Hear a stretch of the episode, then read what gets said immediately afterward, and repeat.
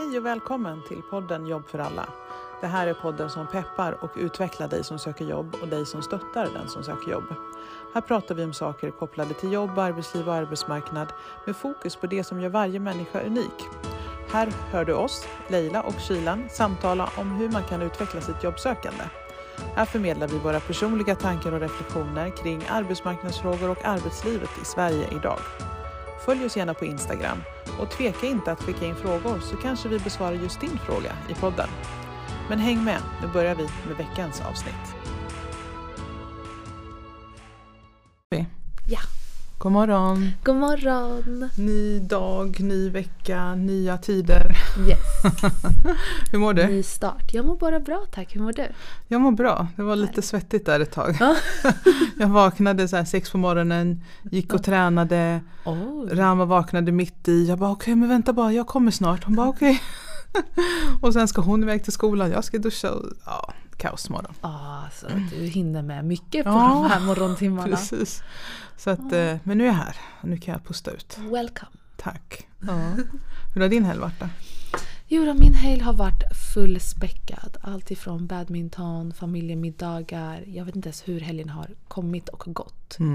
Och nu är det måndag igen. Ja, ny Ja. vecka. Ny vecka. Det, det, det är sjukt att säga det när det är så här grått och trist ute men det känns verkligen så här Energin är på topp men det kanske har med att göra att jag tränade på morgonen. Det kan vara det. Jag tror det är det. För min energi är inte på topp. Ja, okej.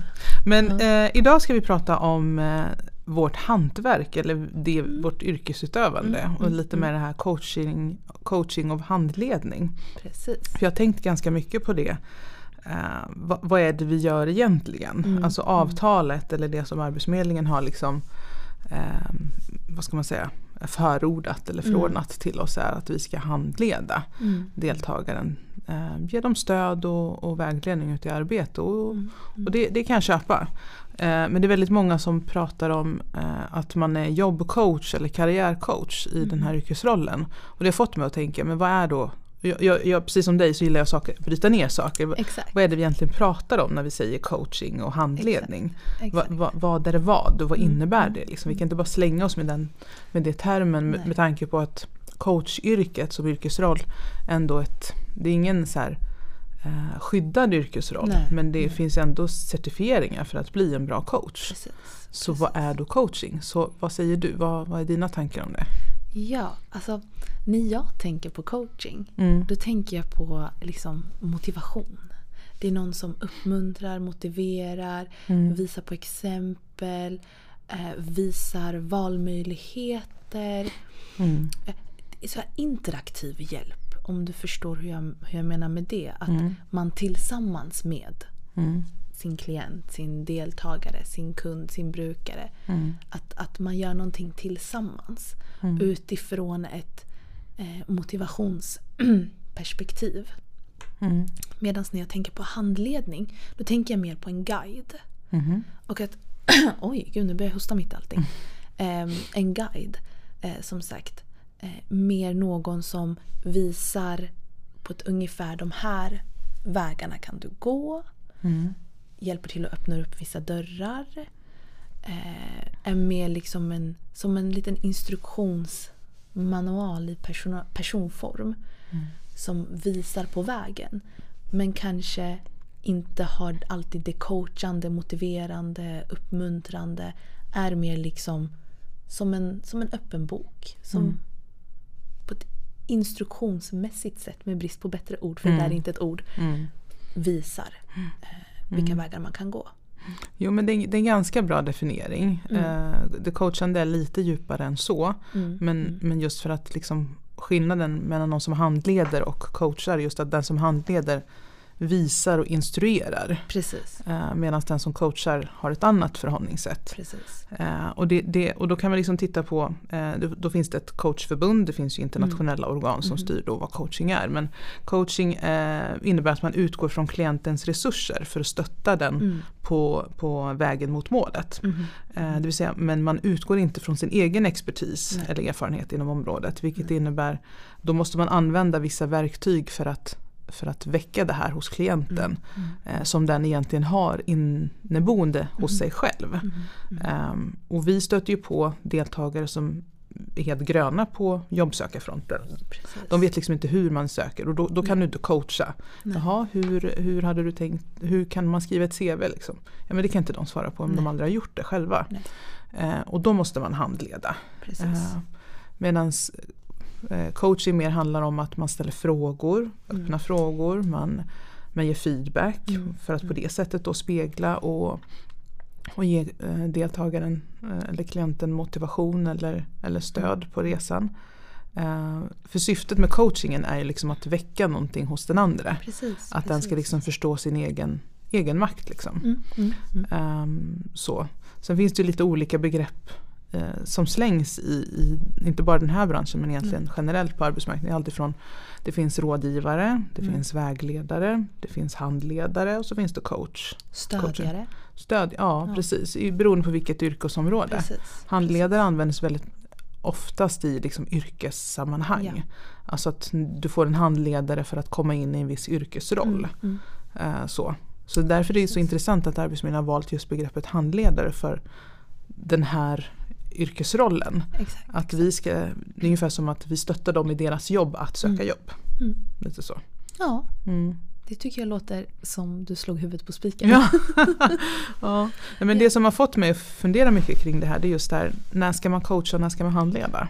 Precis. Vad, vad, vad tänker du hur, med din erfarenhet? Och jag... Eh, I början när jag träffar en deltagare, om jag ska ta, det, ta ett sånt exempel.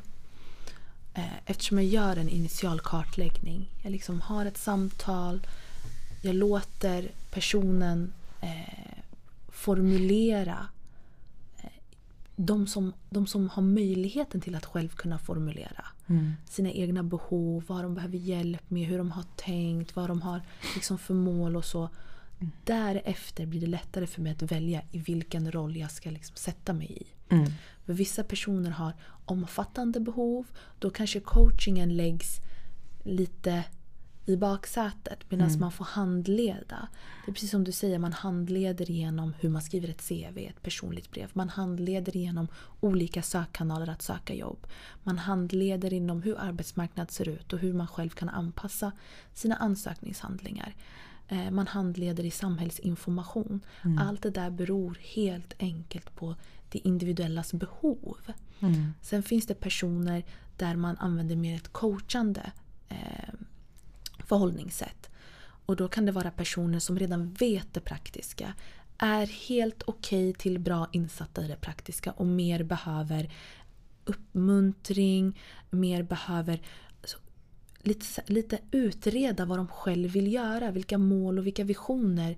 Och genom att coacha dem, att motivera dem, att uppmuntra dem genom att ställa vissa frågor, öppna vissa dörrar, ge vissa tips kommer de själv dra slutsatser kring vart de vill gå. Mm. Och det, det är det jag tycker också är kul med det här arbetet. För du får både och. Du får både den här handledningen, det här med instruktioner och du får använda ett väldigt, vad jag tycker, abstrakt arbetssätt, vilket är coaching. För att det är också så pass individuellt. All coaching, alla coachingmetoder funkar inte på alla personer. Nej, så är det. För viss, det, det finns vissa förutsättningar som måste liksom vara på plats för att coaching ska kunna funka. Precis. Eh, och, då, och det absolut viktigaste är ju en, en form av självinsikt. Att du ska kunna liksom, det som på engelska kallas för self-awareness. Ja. Du är självmedveten, du kan liksom reflektera och tänka kring ditt egna beteende, Oh ja. dina egna tankar och, och känslor.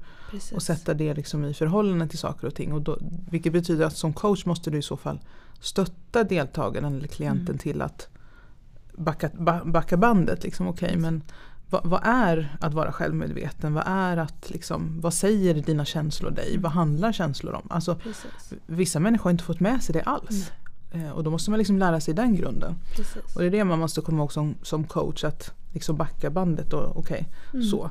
Vilket innebär, för mig innebär att som coach måste du vara extremt kunnig om hur människor fungerar. Ja, Du kan inte använda samma metod på alla människor. går inte. Utan det är väldigt mycket situationsanpassat. Precis. Och jag tänker på coach också lite som hjälp till självhjälp. Mm, exakt. Och, och när jag, vad jag menar med det är att efter att man faktiskt har fått en bakgrund, en slags helhetssyn kring individen, det är då du också har en bättre förståelse för vad den här individen faktiskt behöver. Mm. Och kärnan i coachingen blir då att hjälpa dem hjälpa sig själva. Mm. För att det är det som kommer funka långsiktigt. Handledarskapet är ju såklart också eh, långsiktigt när det blir liksom, instruktioner och man instruerar och man vägleder och, och visar och är liksom mer praktiskt lagd. Men det kan också vara kort, kortsiktigt väldigt. att Så här gör du exempelvis för att söka eh, aktivitetsstöd. Mm. Det är liksom en väldigt kortsiktig, det hjälper bara i stunden Mm. nu när den är aktiv eh, i, i ett, i ett eh, program. Men coachingen anser jag alltid funkar bättre långsiktigt. Att handledningen tar dig så här pass långt. Mm. Men efter handledningen måste man också orka göra vissa saker och ting. Man måste hitta motivationen, man måste hitta bränslet till att faktiskt orka ta tag i vissa saker. Och det är då coachingen eh, ger bäst resultat. Mm. Jag brukar alltid tänka som så att jag är lite så här smått allergisk mot det här perspektivet att man ska bara fixa ett jobb åt någon. Mm.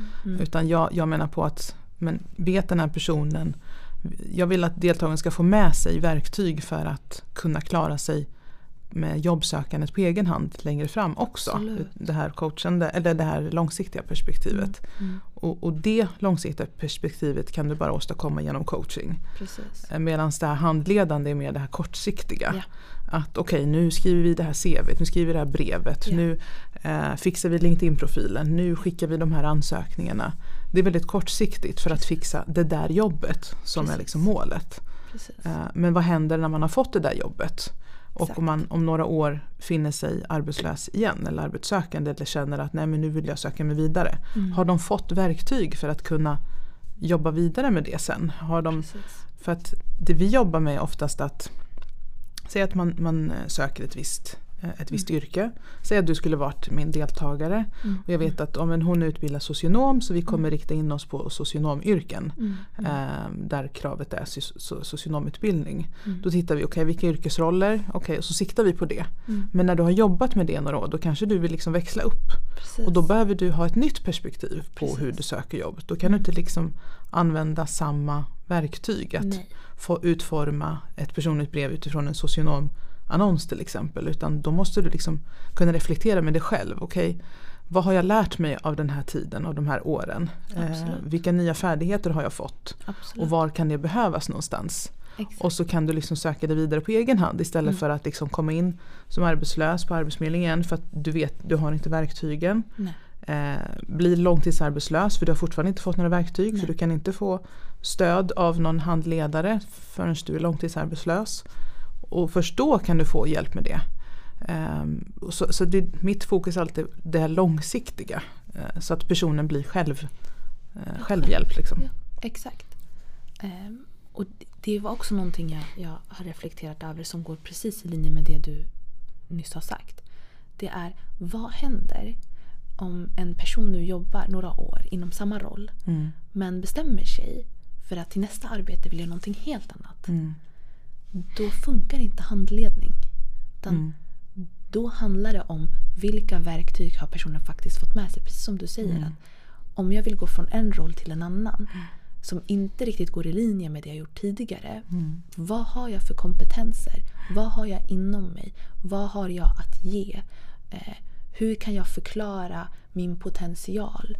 Eh, Precis. mitt engagemang på ett sånt sätt där jag blir attraktiv för den här positionen. Och då gäller det att ha fått en coaching som hjälper en att, att ha den här självinsikten, att titta inom sig och faktiskt kunna formulera och sätta ord på eh, sina kompetenser och vart man kan eh, använda dem sen. Mm.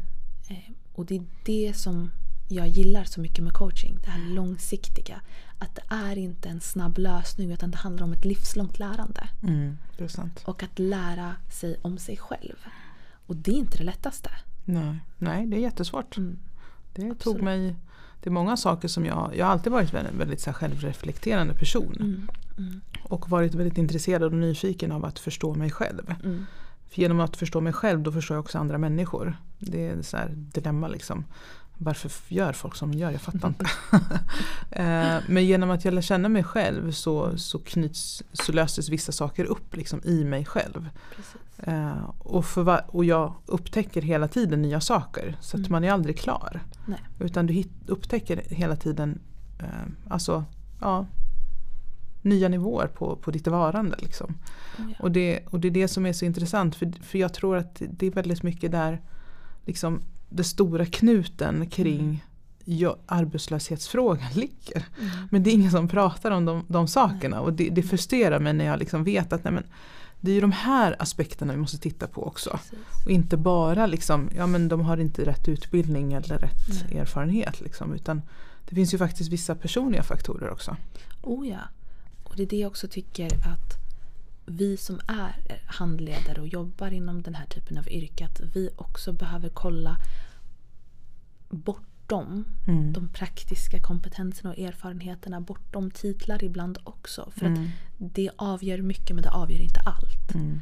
Eh, och det är det här som jag poängterar nästan varje gång i podden. Mm. Men helhetssynen kring en individ är så viktig. Mm. Så, så viktig för att kunna guida den, hjälpa den, frigöra personens egna resurser. Då behöver man ha en helhetssyn kring personens hela situation. Mm. Ett exempel kan ju vara att, att det kan komma eh, deltagare till oss som inte har det basalaste, alltså tak Mm. över huvudet. Mm. Då är inte skriva ett CV, skriva ett personligt brev och du ska söka det här och det här. Mm. Det är inte prio ett. Nej, Utan för att de ska kunna komma någon vart, för att de faktiskt långsiktigt ska, ska gå mot en stabilitet så behövs det en helhetssyn. Det behövs en kartläggning för att se vad har den här personen för förutsättningar, möjligheter, resurser. Och därefter bestämma en väg eller göra en potentiell plan. För de här planerna ändras också beroende på vart, vart personen befinner sig sen. Mm. Så. Eh, Så att det är så pass viktigt att redan från grunden, redan från start eh, förstå den individ man bemöter så gott det går. Mm. I alla fall förstå dess situation för att kunna coacha på rätt sätt. Ska jag coacha eller ska jag handleda här? Mm, Det kanske är en mix av båda två. Mm. Det kanske är handledning när jag hjälper personen att komma i kontakt med rätt myndigheter för att kunna få tak över huvudet. Men sen för att kunna gå vidare till nästa steg, då kanske jag behöver ett coachande förhållningssätt.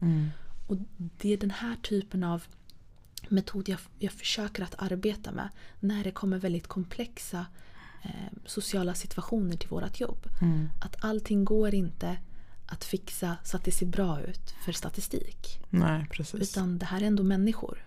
Och de behöver hjälp på flera plan. Mm. Jo men så, så är det verkligen. Då, då börjar man liksom fråga sig vad är det som driver mig? Ja. Är det liksom de här siffrorna, statistiken, att liksom måste få ut x antal personer i jobb så att vi kan liksom mm, pinna. eh, Så här, massa, på Arbetsförmedlingen pratade vi om gröna pinnar. Liksom. Mm. Att när vi har gröna pinnar då är siffrorna bra. Eh, eller här handlar det om att ja, men vi behöver ju få in eh, resultatersättning. Mm. Eh, vilket är självklart för annars överlever man ju inte. Eh, men, det, men i slutändan måste man titta på vad är de bästa metoderna för, Precis. för det. Och då behöver du också förstå komplexiteten hos varje individ. Liksom. Och, och veta när ska jag använda coaching, när ska jag handleda, vilka, vilka, vilka saker är det vi behöver liksom fokusera på. Precis. Och det, ehm, ja, det, är, det är svårt. Men, men det som sagt, nummer ett är att du måste förstå människor. Ja. Du måste förstå vad det är som driver människor. Du måste förstå vad det är som gör att vissa kanske upplevs som lata eller ointresserade eller inte aktiva. Men det handlar inte om att de är lata. Nej. Utan det finns andra faktorer hos den här individen som spelar in. Oh ja. Eh, där de troligtvis har gett upp. Oh ja. Eh, och därför inte orkar engagera sig för att de är Nej. trötta på att ingen ser dem. Precis. Och då måste du liksom backa bandet. Och då börjar man då identifierar man, okej nu ska jag börja coacha för att den här personen har tappat lusten. Exakt. Eh, och då måste jag ta reda på varför till Precis. att börja med. Eh, och då måste man veta hur. Mm. Mm. Och när man har tagit reda på det. Mm. För det du måste göra är att du måste bygga ett förtroende. Det är en relation som ska liksom byggas. Och eh, den relationen är väldigt farlig om den handlar i vuxen-barn-rollen. Ja. Utan det måste vara vuxen-vuxen-rollen. Där Precis. du som deltagare har ett ansvar. Precis. Och jag är här som ett stöd för dig men jag kommer inte göra allt åt dig. Nej. Utan du måste fortfarande göra saker. Exakt. Eh, Men då måste man bygga det förtroendet så att den känner att ja, men Precis. min handledare är intresserad av att det ska gå bra för mig. Oh, ja. Eh, Så. Och det, ja, jag vet inte. Nej, men jag, jag håller faktiskt med dig. Alltså, jag har varit eh, med om, om deltagare som har behövt vissa rutiner Mm. för att komma igång. Och då är det väldigt viktigt att, att ha den här raka kommunikationen. Att jag är här för att stödja dig på vägen. Men du har också skyldigheter och du har också ett ansvar. Och det här och det här och det här är ditt ansvar. Det här måste du uppfylla för att jag ska kunna få möjligheten att hjälpa dig på rätt sätt. Den typen av dialog är så viktig. Även i det coachande och det handledande. För att gör inte deltagaren vissa viktiga basuppgifter då kommer inte jag kunna vara behjälplig. Nej. De måste sköta vissa bitar. Och Det är här min handling också kommer in. Att informera. De här bitarna ska du göra. De här bitarna krävs av dig. Annars kommer jag inte kunna vara behjälplig. Mm. När det sen är genomfört då kan jag liksom komma in med, med mina metoder och, och mina tillvägagångssätt för att, för att stödja den här personen. Men det är det jag menar, att när, Mm. om och när det inte blir utfört. Då bör man ställa sig frågan varför blir det inte det? Precis. Varför lägger inte den här personen ner det jobbet som krävs? Precis. Och så bör man gräva i det. Oh ja, För i nio fall av tio så beror det på att de har liksom tappat lusten eller Ja. hoppet. precis. Och då bör man gräva i det. Varför har du tappat hoppet? Ja men för att jag har träffat 70 olika handläggare eller handledare. Och ingen verkar liksom se mig. Exakt. Så varför ska jag engagera mig? Och det är det när... Jag tror inte det är många som får den frågan att Mm. vad händer? Mm. Hur mår du? Precis. Hur mår du på ett sånt sätt att jag vill veta bakgrunden till vissa saker och ting? Mm. Hur kommer det sig att du, du inte orkar med det här? Finns det någonting som du behöver stöd kring? De frågorna får deltagare att bli sedda, att bli hörda. Och oftast när det är frustration, när det finns frustration hos klienter eller deltagare är det ju precis som du säger. Mm. För att de kanske har träffat 70 olika personer som inte någon gång har haft möjligheten eller kanske inte ens ställt de rätta frågorna. Mm. De har inte blivit sedda, de har inte blivit hörda. Jag har haft en del deltagare som har varit så arga, så så arga.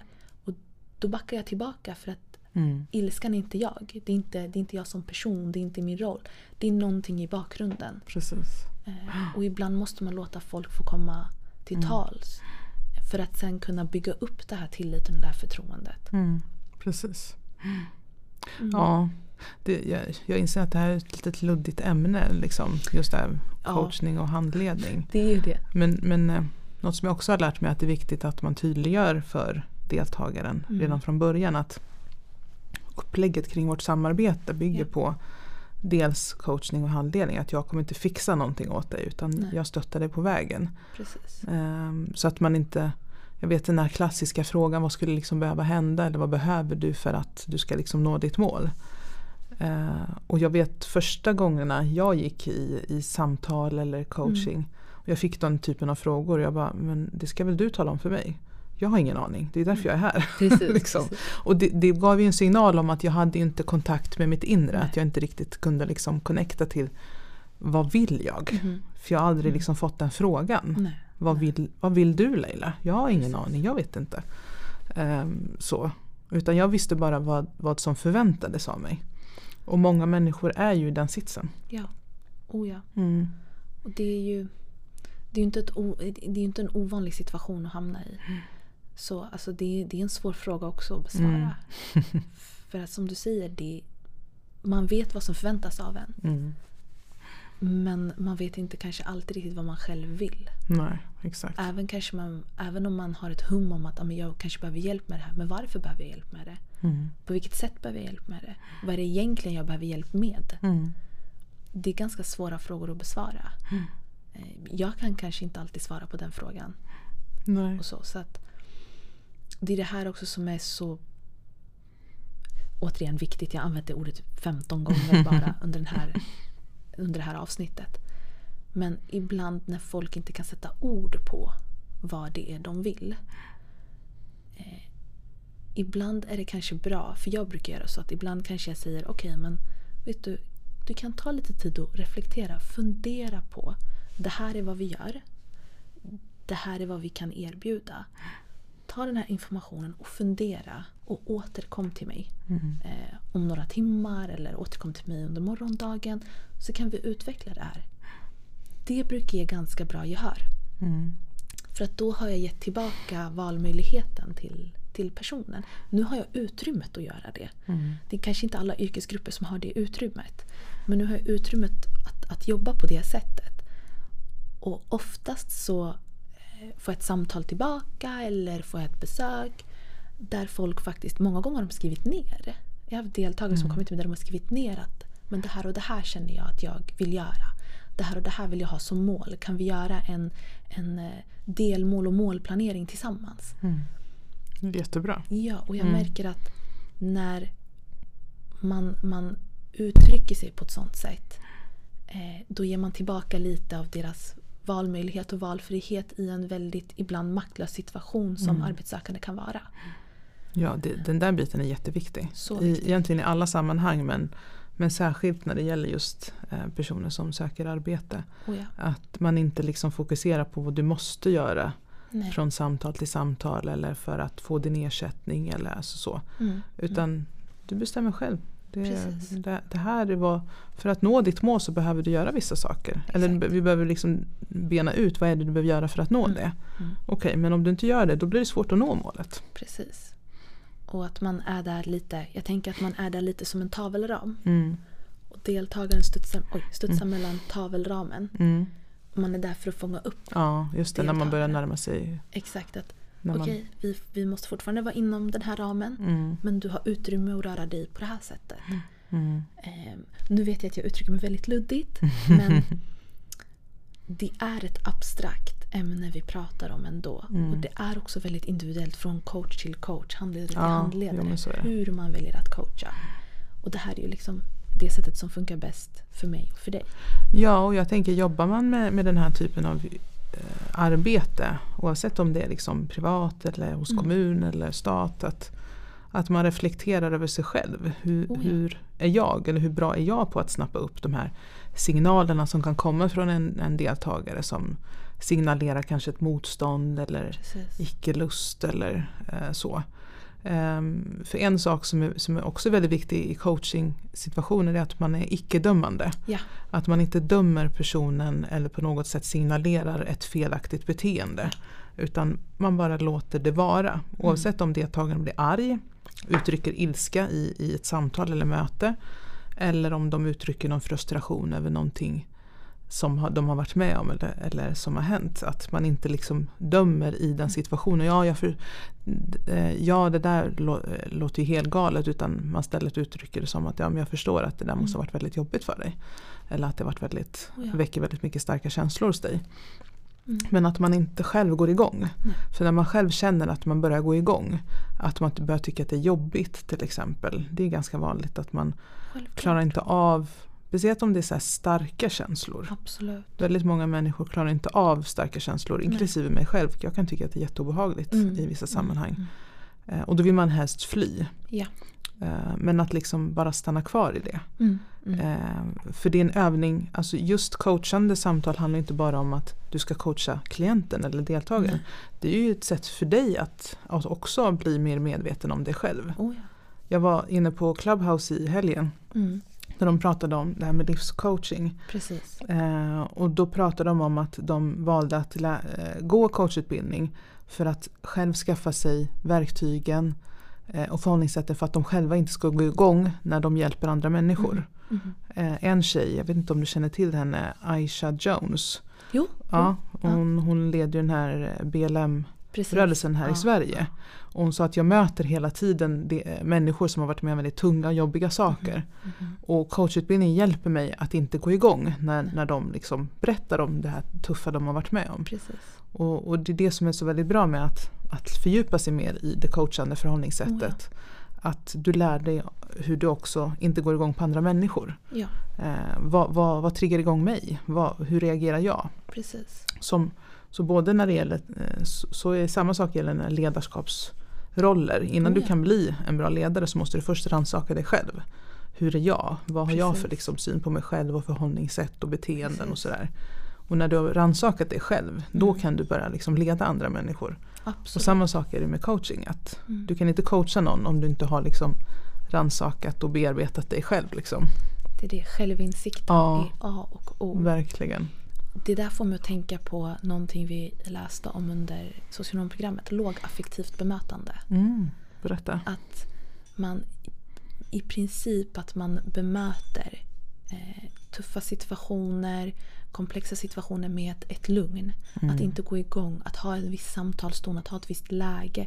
Det är såklart mycket mer till det här begreppet men av det jag kommer ihåg. Att just det där med att du inte ska gå igång. Utan att du ska bemöta, med på bättre ord, kaos eller kaosartade situationer med ett visst lugn. Mm. För att energin du matchar, det kan ju trigga andra människor också. Om någon är väldigt frustrerad, uttrycker sin frustration. Det är inte alltid att man som coach vet bakgrunden till den frustrationen. Nej. Så att gå igång på det kan ju trigga helt andra responser hos Exakt. din klient och din deltagare. Och det är inte det man vill. Nej.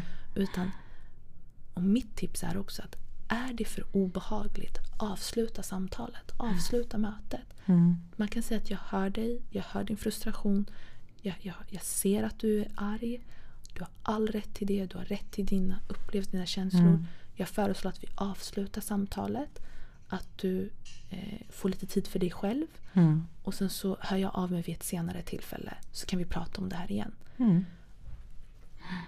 Det kan också funka om det blir för mycket. För att som coach, som handledare, som kurator, som en person som bemöter andra människor i, i, i olika livssituationer. Man vet själv inte om man har haft en bra dag eller inte. Eller om man har haft en dålig dag eller inte. Eller om det är någonting i ens privatliv som påverkar. Det, det får aldrig komma in i arbetet. Men vi är också inte mer än människor. Mm. Det kan bli för mycket. Och då kan man avsluta det på ett väldigt lugnt, stabilt, eh, professionellt sätt. Eh, utan att låta ens egna känslor ta över. Precis. Utan att hela tiden påpeka till deltagaren eller till klienten att du har rätt till dina känslor. Du har rätt till, din, till, till tolkningen av din situation. Men jag känner att vi avslutar för idag och jag återkommer vid ett senare tillfälle. Mm. Mm. Eh, För som sagt, nio av tio gånger så handlar det inte, en, det Mm. handlar inte om mottagaren. Nej, det handlar oftast om någonting helt annat. Precis. Det, ja. Och genom att bekräfta att personer har rätt till sina känslor. Mm.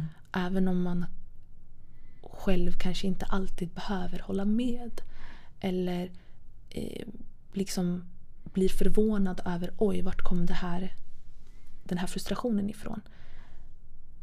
Att, att bekräfta att folk har rätten till sina känslor är också en, en litet steg in till att skapa den här tilltron. Till att skapa den här goda arbetsalliansen. Eh, och att deltagaren blir sedd och hörd utan att bli dömd för det. Utan att Mm, bli liksom precis. stigmatiserad och skuldbelagd. För någonting som är så pass mänskligt som känslor som ilska och som Mm. frustration. Jo, för det viktigaste, jag vet själv när jag varit i en sån situation, jag mått väldigt dåligt eller Mm. uttryckt känslor. Och man bara får höra liksom att nej, men det finns de som har det värre. Eller det, Det det skärp dig eller du vet Mm. så. Alltså, Otroligt förminskande. ja, det, ja, verkligen. Eh, det kunde göra mig jättefrustrerad. Men samtidigt kunde jag också förstå så här i efterhand att det handlar ju mer om att den mottagande parten har svårt att hantera. Precis. Inte att de för, medvetet förminskar mig Nej. utan att nej men jag klarar inte av det där. Nu får du skärpa dig. Så där kan du inte. Det är ungefär som att jag skulle säga till min dotter, gråt inte. Nej. Eller var inte arg. Alltså, hon, men hon, har, hon behöver få utlopp för de här känslorna. Liksom. Och jag behöver som förälder acceptera eh, eller tillåta det. Men eh, då kom vi lite in lite på ett sidospår. Men det blir lite som ett eh, svårt att jämföra sig förälder-barn relationer. Mm. Men att man måste liksom tillåta andra att få känna de känslor de känner. Precis. Samtidigt som man också hjälper dem i att förstå att känslorna inte handlar om situationen de befinner sig i utan Mm. oftast någonting helt annat. Så man måste liksom gräva bakåt i tiden. Precis. Men, men som coach och handledare är man inte där för att gräva i de Nej. sakerna. Nej. Utan då ska man ju liksom stötta dem i att söka hjälp för de sakerna. Exakt. Så att vi kan Exakt. fokusera på det vi som är vår uppgift. Liksom. Exakt. Och det är, så, det är så viktigt att göra den där, viktigt igen. det är så viktigt att göra den där skillnaden mellan att jag är inte eh, psykolog. Nej. Utan jag är en coach. Mm. Och jag ska inte gräva i det. Jag hör det, jag ser det, jag bekräftar det. Men här kan du få den hjälpen och här kan du få den Mm. stöttningen och här, den här insatsen kanske hjälper.